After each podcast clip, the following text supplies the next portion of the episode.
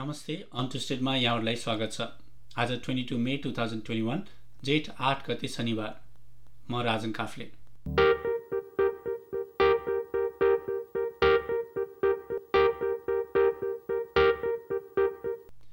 मलाई नेपालको राजनीतिबारे टिप्पणी गर्न खासै मन लाग्दैन।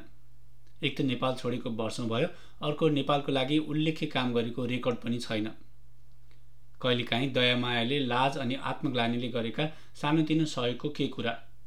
त्योभन्दा कैयौँ गुणा बढी त हामी आफ्नै रमाइलो र मोजमस्तीमा खर्च गर्छौँ।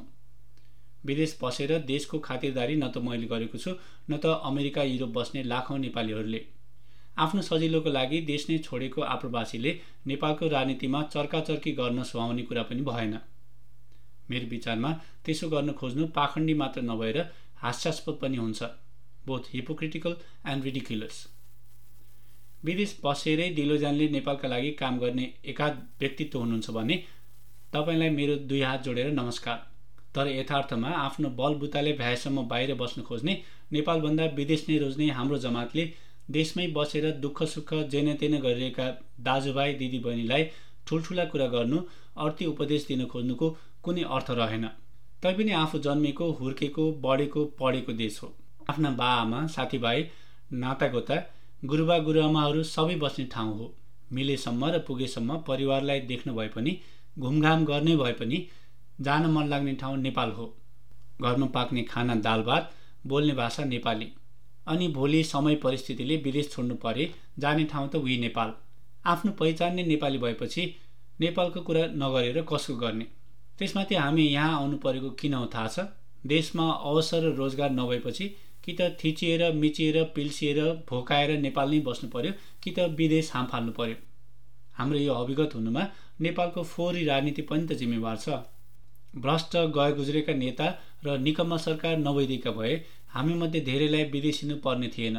त्यसैले आउनुहोस् आजको अन्ट्रिस्टेडमा कुरा गरौँ नेपालको अस्तव्यस्त सिकिस्त वाक्क दिक्क थुक्क राजनीतिको। ट्विस्ट नगरिकन straight forward and to the point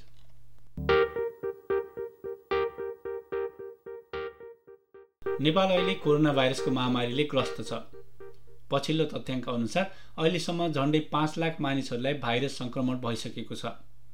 त्यसमध्ये छ हजारभन्दा बढीको ज्यान गइसकेको छ। हिजो मात्र एक सय सतहत्तरजनाले जीवन गुमाउनु पर्यो। मैले चिनेकै कति आफन्तहरू साथीहरू साथीका बाआमा दाजुभाइ दिदीबहिनीलाई कोरोना सरेको छ। चिनेकै कतिको ज्यान गएको छ। देशमा हिजो एक दिनमा आठ हजारभन्दा बढी नयाँ बिरामी थपिएका छन्। बिरामी बढ्ने दर संसारकै सबभन्दा बढी छ। बिरामीलाई अस्पताल छैन अस्पतालमा बेड छैन अक्सिजन सिलिन्डर छैन औषधि छैन प्यारासिटामोलको स्टक पनि घटेको सुनिन्छ पैसा र पहुँच नभएका करोडौँलाई कोरोना भाइरस भ्याक्सिनको कुनै अत्तो पत्तो छैन। पहिलो डोज लगाएका बुढाबुढी र जोखिममा रहेकाहरूले दोस्रो डोज कहिले पाउने कुनै ठेगान छैन। मेरो बाबाले पहिलो डोज लगाएको चार महिना भयो। आमाले त त्यो पनि पाउनुभएको छैन। देशभरि लकडाउन छ। मान्छेले रोजीरोटी गुमाएका छन्। करोडौँ गरिबका घरमा के पाकेको होला? तिनका बालखा केटाकेटीले के खायो होलान्? महामारी बढ्दो छ।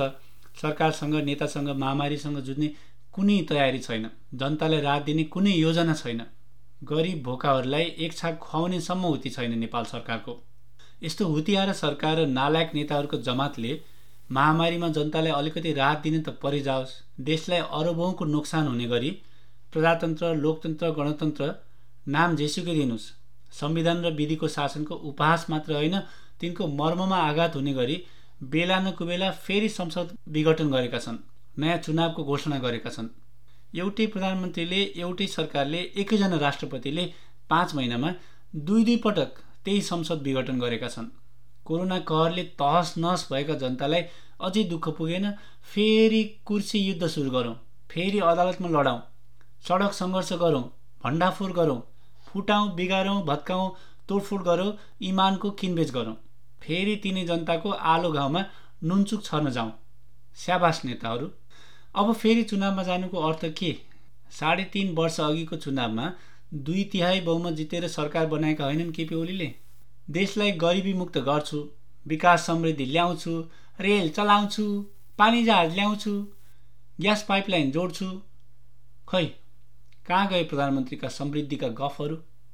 अब के मात्र नयाँ लिएर मत माग्न जाने? इतिहासमै पहिलोचोटि बेजोडको दुई तिहाई जितेको सरकारको नेतृत्व गरेर त माखो मारेनौ।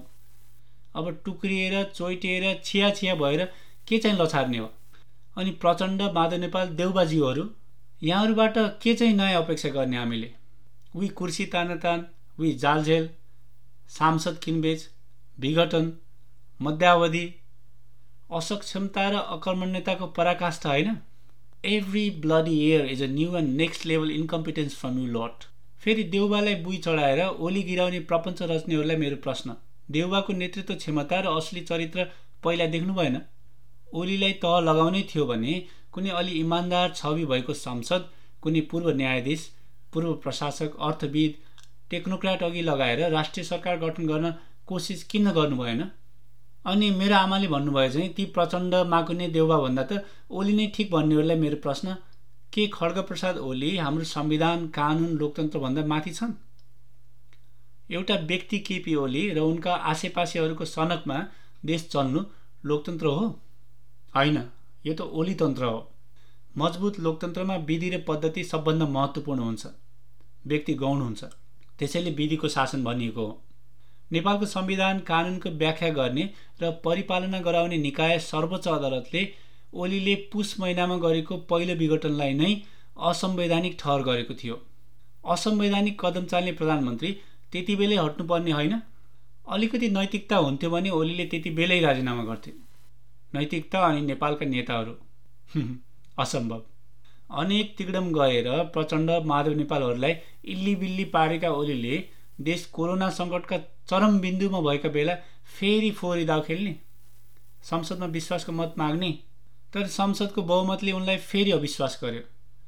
यति भएपछि त राजीनामा गर्ला नि अह पछि हट्ने नैतिक बल नै छैन। सत्ताको मात कति लागेको उमेरले वृद्ध रोगले जीर्ण भए पनि कुर्सी लिप्सक त्याग्नै सक्दैनन्। राष्ट्रपति पनि उस्तै। निष्पक्ष भएर विधिको शासनलाई रेखदेख गर्ने गरिमामय पदमा बसेकी राष्ट्रपति ओलीको इसारामा नाचिरहेकी छिन्। उनलाई लोकतान्त्रिक विधि संविधान कानुनको कुनै वास्तै छैन। लाग्छ देशको राष्ट्रपतिको काम प्रधानमन्त्रीलाई रिजाउनु हो। ओलीको यो अकर्मण्यता भोग्नु अघि कमसेकम नेपालमा सरकार चलाउन संसदको बहुमत चाहिन्थ्यो। बहुमत गुमाएपछि प्रधानमन्त्रीले राजीनामा त गर्थे। लोकतन्त्रको एउटा न्यूनतम मापदण्ड कमसेकम पुरा हुने गर्थ्यो। ओलीले त त्यो विधिलाई पनि ढलमा मिल्काइदिए। अमेरिकाको चुनाव हारेपछि पूर्व राष्ट्रपति डोनाल्ड ट्रम्पले आफ्नो पद नछोड्ने ढिपी गरेका थिए। तर अमेरिकामा संवैधानिक सर्वोच्चता थियो विधिको शासन थियो। त्यसैले चुनाव जित्ने जो बाइडन नै नयाँ राष्ट्रपति बने। नेपालको लोकतन्त्र कमजोर छ संविधान पालन गराउने निकाय र विधिहरू परिपक्व छैनन्। त्यसैले संविधान विपरीत संसद विघटन गरे पनि संसदको विश्वास गुमाए पनि ओलीकै बोलवाला भएको छ। अहिलेको लागि केपी ओली नै नेपालको लोकतन्त्रका लागि सबभन्दा ठुलो खतरा हुन्। विधिको शासन कायम राख्ने हो भने लोकतन्त्र जीवित राख्ने हो भने ओली प्रवृत्ति पराजित हुनै पर्छ। रहेको कुरा बाँकी असक्षम नालायक नेताहरूको। पक्कै पनि धेरैचोटि मौका पाएर केही नगरेका प्रचण्ड माधव नेपाल देउबा यिनीहरू अहिलेको विकल्प होइनन्। यिनीहरूको औचित्य उहिले सकियो। अहिले कोरोना विरुद्ध लड्नु छ। पुरा सावधानी अप्नाएर आफू बच्नु छ र अरूलाई बचाउनु छ। सबैले सकेको ठाउँबाट पीडितलाई राहत दिन कोसिस गरौँ। छरछिमेकीलाई सहयोग गरौँ। भोकाहरूलाई खान दिउँ सकिन्छ भने। कोरोना कर सकिएपछि चुनाव भइहाल्यो भने यी नालायक नेताहरूलाई प्लिज भोट नदिनुहोला। अब कङ्ग्रेस एमाले माओवादी र अरू पुराना कलङ्कहरूलाई मत दिनु बेकार छ। नेपालीले आफ्नो मताधिकारको दुरुपयोग गरेको धेरै भइसक्यो। अब गाउँमा सक्रिय भएर काम गरेका सक्षम नयाँ युवा अनुहारलाई छानी छानी मत दिनुहोस्। नेमो किपालाई दिनुहोस् चित्रबहादुर केसी जस्तालाई दिनुहोस् विवेकशील साझा पार्टीलाई दिनुहोस् स्वतन्त्रलाई दिनुहोस् प्रुभन ट्र्याक रेकर्ड भएकालाई दिनुहोस्। तर महामारीले हजारौँ जनता मरिरहेका बेला चुनाव बोलाएर देशलाई अस्थिर दुष्चक्रमा हुत्याइदिने कायर एमाले माओवादी कङ्ग्रेस राप्रपा मधेसवादी दलहरू यिनका नेता अरौटे भरौटेहरूबाट देशलाई मुक्ति चाहिएको छ।